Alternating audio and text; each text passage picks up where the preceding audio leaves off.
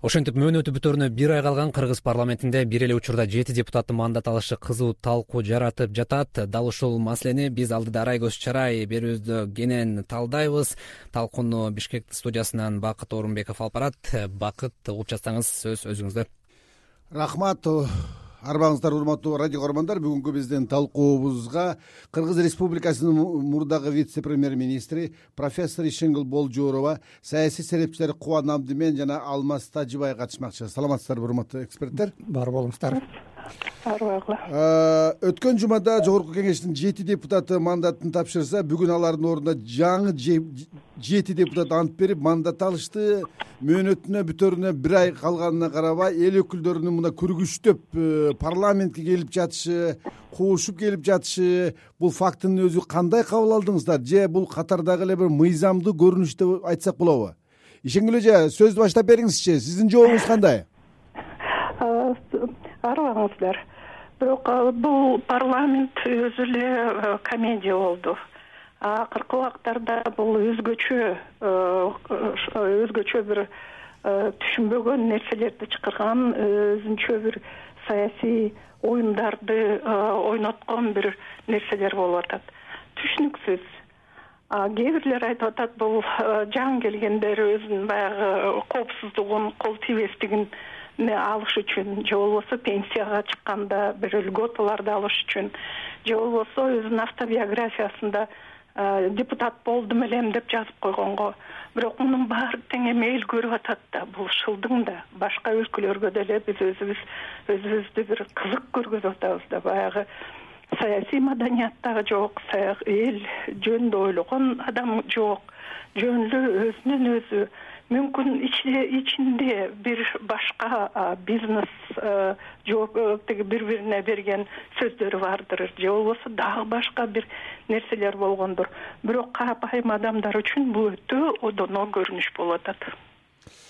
Э, кубан мырза мына э, жети депутат ант берип ишке киришери менен э, парламент кайрадан бир айга деле иштебей турууну чечип отурат. Ушундай жагдайда ушу жаңы келген депутаттардын парламент алдындагы шайлоочулар алдындагы бир моралдык жоопкерчилиги кандай болот өзү? Э, баарыңыздарга саламатсыздарбы? Баардыгыңарга ден соолук каалайм. Азыркы учурда саясат деп ден соолукту унутпайлык. Албетте бул парламенттик э, турум чындыгында ишенгүл эже айткандай абдан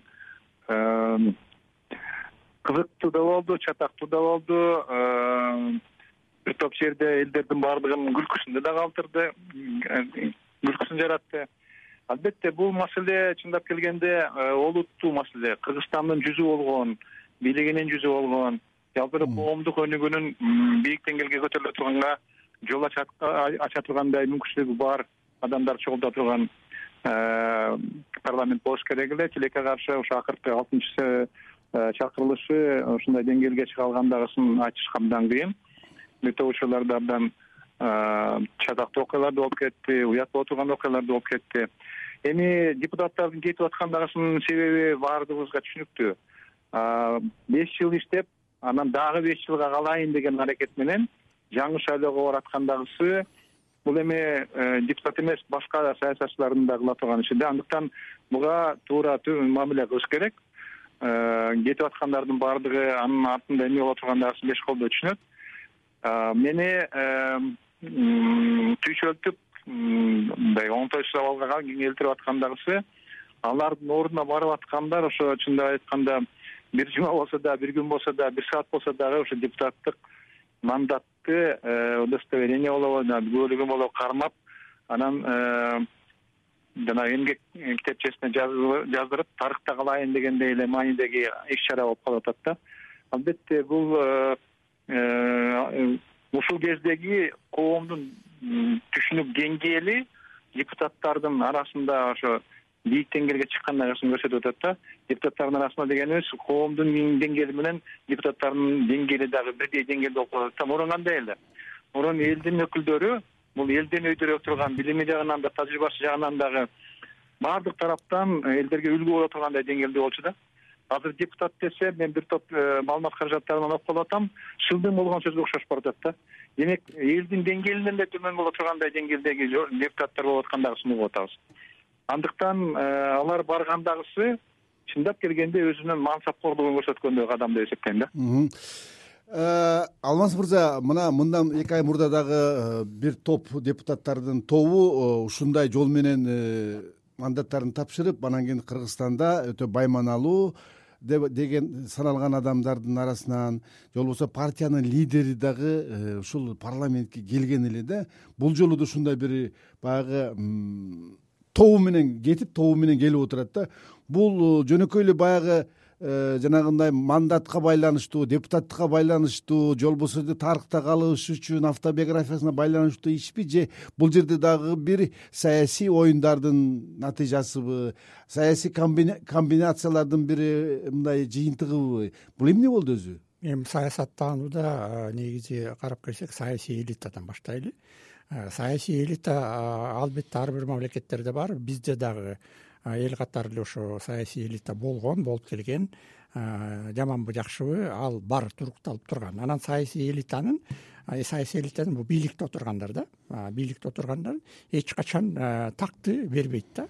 Такты талашып алыш керек. Э, демек ошон үчүн алар ар кандай жанагындай мыйзамдар менен кандай бир өзү саясий туруктуулугун ошо саясий э, бийликте отурган үчүн саясий элита сактап калат да орундарын сактап ошо бийликте болсун деп. Анан бул психология ментальный жагын карасак ар бир лидер болобу же ошондой э, саясатка аттангандар бул репутация аябай бийик болот да репутациясычы ошо бийликте отурдум могу такта отурдум деген буларга баягы психология жактан мындай комплекс дейбиз ошону болгонго жардам беришет буларга. Булар анысыз жашай албайт саясий бир орунду жоготсо эми кичинекей эле бир мамлекеттик же ар бир жумушта эле бир орун директор болобу бир башчысы болсо бул дагы жанагындай деңгээл да аны жоготуш бир өзүнчө мындай трагедияга алып келиши мүмкүн да. Эгерде көбүнчөсү ошондой кабыл алынат да тилекке каршы ошо саясий элита жанагындай нормаларды э, жазып коюшкан э, мындай айтып кеткенде дагы жанагы ошол жактан ылдый түшүп кетпеш үчүн мисалы он алтынчы жылы э, конституцияга өзгөрүүлөр кирген жетимиш экинчи берене үчүнчү пунктта мисалы вице премьерге же премьерге депутаттар боло алат бирок кийин кайта баш тартса кайта келип депутат болуп мандаты сакталат деп каралган да. Демек ошонун баары дагы э, баары ошо жанагы саясий элита бийликте көбүрөөк отургаш үчүн баягы жашоо бүтмөйүнчө канча карабай баягы саясатта аралашып жүрөйүн деген бул максат. Бул жаманбы жакшыбы бул башка маселе. Бирок ошондой системаны киргизсе андан тышкары жанагы айтып атпайбызбы жети депутаттар кайта келди деп. Жанагы эле имидж все дегендей эле булар пенсиясына дагы персональный болуп чыгышат. Айлык акчасы анан кийин ошо журналисттер болобу кайсы жерге бул дивидендтерди алып келет да бирдемке десе бул экс депутат деп айтат же алтынчы чакырымдын депутаты деп тааныштырганга дагы элге дагы мындай ылайыктуу болот да ошол жактан бул пиар дагы болуп кетет. Бул жакшы нерсе да. Бирок жанагы саясий элита эгерде бир жагы элдин жанагы кыжырын келтирип аткан эгерде бизди жыргатып өнүккөн мамлекетке алып келсе бир жөн. Бирок биз жыйырмадан кырк жыйырмадан ашык эл кедейчиликте жашап атат. Жанагы жанагындай көйгөйлөр көп болуп атат. Мына азыр бир изилдөө жүргүздү алтымыш жети пайыз бийликке нааразычылык бар экен да бир э, социалдык изилдөөдө. Демек ошонун баары кандай бир жана элдин кыжыры кетип аткан жөн эле сөз эмес ошо туура эле деп айтам ишенгүл эже бизди угуп атасызбы билесиңизби силерди жигиттерди угуп мен бир суроо койгум келет да. Мындай парламент бизге керекпи биз өз убактысында онунчу жылда президенттик президенттен көз карансыз бололук деп ушу парламенттик өлкө бололук деп парламентти шайладык элек э ошондо оюбузда мындай эле ошо парламентке жакшы партиялар келип ошолор жакшы экономикалык программалары болуп ошолор элдин байлыгын элдин келечегин элдин ден соолугун элдин билимин көтөргөнгө иштейт экен. Аларда жөн эле жоопкерчилик болот экен. Укук эле эмес жоопкерчилик дагы болот экен. Алардын абийири уяты болот экен саясий даярдыгы болот экен мекенчил деген ойлор болот экен деп ойлодук элек да да? Шеңир эже мен сиздин көңүлүңүздө дагы бир нерсеге бургум келип атат да мына коомчулукта депутаттын мандаттын баа баркы тууралуу эстегенде бир азыр коомчулукта талкууланып жаткан бир мындай бир мисал факты.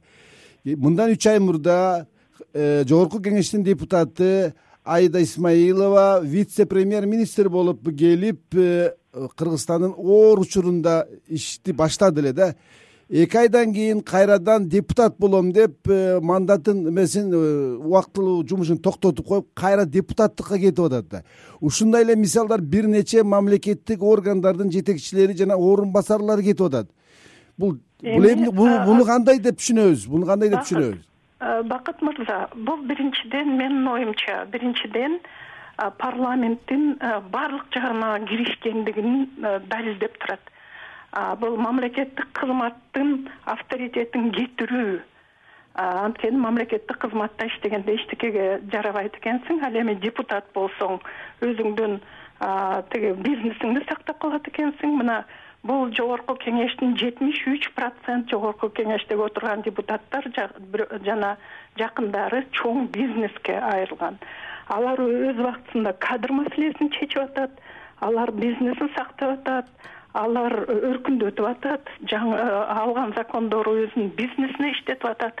Анткени эл жөнүндө ойлобогон мамлекеттин келечеги жөнүндө ойлобогон өзүнүн бизнесин сактап калуу кол тийбестик э, көптөгөн льготаларды алуу ошол максат коюп атат да. Бул мамлекет жөнүндө ойлогон киши жок. Ошол эле исмаилова ошол эле өмүрбекова бул э, июльдүн кара июльдүн канча адамдарыбыз каза болду. Ошолордун жоопкерчилиги ошолордун каны кимге тиет? Бирок карагылачы он жылдын ичинде биздин жогорку кеңеш жети миллиард сом сарпталыптыр жети миллиард сомго сарпталыптыр. Азыр дагы келаткан жогорку кеңешке келаткан токсон проценти бул бизнесмендер өзүнүн жакындарын же өзүнүн бизнесин сактап калуу үчүн келатат бирөө дагы программасын көрдүңөрбү? Айтып атабы биз тигини көтөрөбүз могуну көтөрөбүз миграцияны токтотобуз деп. Кечээ эле эл арасында социалдык социологиялык изилдөө өткөзгөндө эң эле чоң өтө коркунучтуу проблемалардын бири бул ишсиздик деп атышат алтымыш бир процент ишсиздик деп коронавирус деп атат. Бакыт эстеп койгулачы июньда уялбай ошо парламент высший орган нашей страны качып кетишти. Бирөө дагы бир райондорго барып эмне болуп атат кайсы больницалар иштеп атат элибиз эмне болуп атат обсервациялар кандай экен деп бирөө сурадыбы сурадыбы мындай парламенттин эмне кереги бар эл үчүн иштебеген рахмат. Э, кубан мырза мына кечээ маалымат чыкты. Азыркы жүз жыйырма депутаттан турган парламенттин алтымыш эки э, депутаты кайрадан жетинчи чакырылышка э, аттанып атат тизмеге киргени маалым болду. Бул көрүнүштүн өзү жетинчи чакырылыштын бир сапаттык жаңы деңгээлге көтөрүшүнө бир шарт түзө алабы ишеним жарата алабы менин э, баамымда алтымыш эки пайыз катышса э, алтымыш эки депутат. депутат. Алтымыш эки депутаты демек жарымынан бир аз көбүрөөк экен да. Эгерде ушул кайтып келсе анда биздин э, парламенттин күнү курусун деп койсок болот да анда мамлекеттин дагы эле кыйынчылыгы улана берет. Бирок ошо алтымыш эки депутаттын азыркы шайлоого катышып аткан он алты партияга бөлсөк мен ошентип ишенип атам андан азыраак эле келет го деп жаңылар келет го деп. Бир алтымыш пайыздан көбүрөөгү жаңылар болуш керек го деп үмүттөнүп атам. Маселе алардын кайтышында эмес. Маселе эмнеде маселе э, сапаттык курамында да парламенттин сапаттык курамында. Мына ишенгүл эже туура айтып атат. Ушундай парламенттин иштеп атканына караганда иштебей койгону кыргызстанга көбүрөөк пайда алып келе тургандай деңгээлге түшүп кеткен парламенттин зарылдыгы барбы деген мыйзамды түшүп болот да мунун баардыгынын э, себепкери эмне? Себепкери менин оюмча мына э, ушул шайлоодо абдан жакшы көрүнүп атат да партиялык тизме менен шайлоого катышуу. Партиялык тизме менен катышуу деген бул э, эл каалабай турган эл тааныбай турган тааныса дагы келтирбейм деген талапкерлер партиянын тизмеси менен депутат болгонго барып атышат да. Ошентип өтүп кетем деп атат. Мына азыркы жаңы депутат болуп бир ай калганда мандат алып аткан талапкерлердин баардыгы булар кимдер. Булар ошо тизме менен келгендердин эң эле ылдый э, депутаттыкка такыр жарабаган адамдар. Аларды шайлоого барып эл тааныйсыңбы э, бир иш кылып бердиби же болбосо бир жаган бере тургандай акыл сөз айттыбы деген жоопторго тез жооп бере турган адамдар келип атат да. Демек экинчи сорттогулар мүмкүн андан да үчүнчү сорттогулар да келип аткандыр вот ошондойлордун баардыгы тизмеге кирип алгандан кийин биздин көрүп аткан мына эки жолку парламенттик э, курамдын э, иши э, бүгүнкү күндө көрсөтүп атат да. Демек бизде парламенттик башкаруу системасы толук кандуу партиялык система менен иштегенде биздин менталитетке жарабай турганын көрүп атабыз да. Демек эмне кылыш керек. Муну уже көтөрүп атышат. Көтөрүп маселелерди койгондор чыгып атат. Конституциялык реформа керек деп абдан жакшы сунуштар айтылып атат анын ичинде мен мисалы үчүн пайдасы жакшы тийип аткан э, системалар катары э, смешанный деп коет го аралашма шайлоо системасын киргизиш керек. Э, жарымы парламенттен партиялык система менен келсин анда жалаң лидерлер келет жалаң жанагы тынчыкмалар келет билим деңгээлинде келет.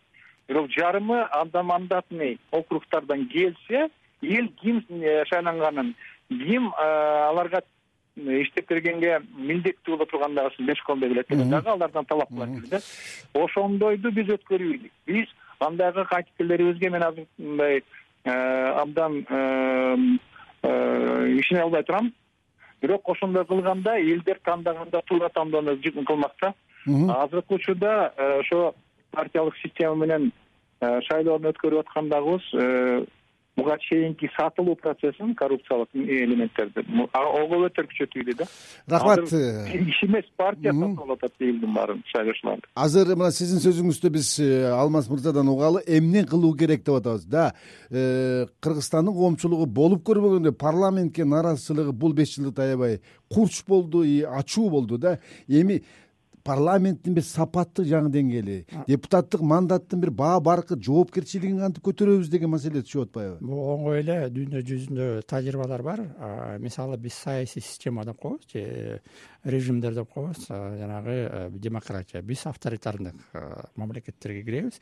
Демек буурда жана жемкорлук биринчи орунда турат. Жанагы саясатчылар бийликке келгенин биринчи мотивациясы бул жанагы өзүнүн чөнтөгүн өзүнүн камын ойлогон үчүн келишет. Ошон үчүн биз көрүп атпайбызбы ошо отуз жылдан бери эле бийликке келгендер бай жашап атышат байып кетип атышат. Мамлекеттик кызмат алса дагы же жөн эле болсо дагы кандай жана привилегия эмне менен калып калып атат да мындай кандай бир дивидендтер бар да. Бирок көбүнчөсү ошо жемкорлук менен мамлекетти уурдап тоноп кетип аткан системасы. Эгерде жанагындай сапаттуу бололу десек анда жанагы кесиптүү профессиональный деп атпайбызбы закон эме мыйзам чыгаруучулар керек да. Бирок тилекке каршы алар жок. Биз баягы жана айтып атпайбы алтынчы чакырым деп атпайбызбы мурдакы алтымыш экиден десек отуз пайызы түшөт да калгандары жетимиш пайыз баары бир келбейт бул статистика жагынан маалымат демек бир кырк элүүсү келиши мүмкүн деп атасыздар андан да э, келиши мүмкүн. Анан бизде жанагы ошонун баары эле жана жемкорлук менен жанагы саясий коррупция партиянын ичинде коррупция болуп аткан жанагы ошо азыр шайлоо мыйзамдары шайлоо боюнча конституциялык ошолордо да жанагы катталган жана болуп атпайбы? Чыр чатактардын баары ошо жакшы ойлонуп келген же атайын ошондой кылышкан. Кандай бир саясий айтып атпаймынбы бийликте турган партиялар башкаларды келтирбей эми жанагы айтып кеткен абдымен мырза айтып кеткен аралаш система деп. Азыр эме пропорциональный деп саясий система менен. Кадыр эле ошол эле жүз депутаттар ошол эле мажоритарный болуп өзүнүн жерине жер жетишигине барып добуштар алат жана участокторду бөлүп алышкан. Анын аны мажоритарный киргизгендин кажети жок. Башка суроо бул азыр. преференциальный системаны киргизбей коюп алышат ооба бул дагы э, өзүнчө талкууну жарата турган э, маселе экен. Э, ишенгүл эже сиз айтсаңыз парламенттин сапатын кантип көтөрөбүз? Эмне рычагдар бар эмне механизм эмне жолдор бар? Бир мүнөт калды. Тилекке каршы рычагдын баары эле акча болуп атат. Бул капчык жана административдик ресурс.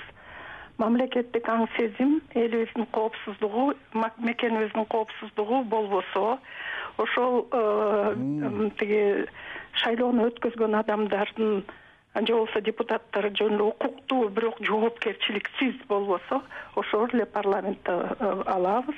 Ошол эле байкуш болобуз.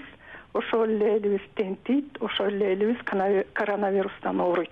Ошондуктан бул жерде саясий күч системаны оңдоо такыр башкача системаны оңдоо.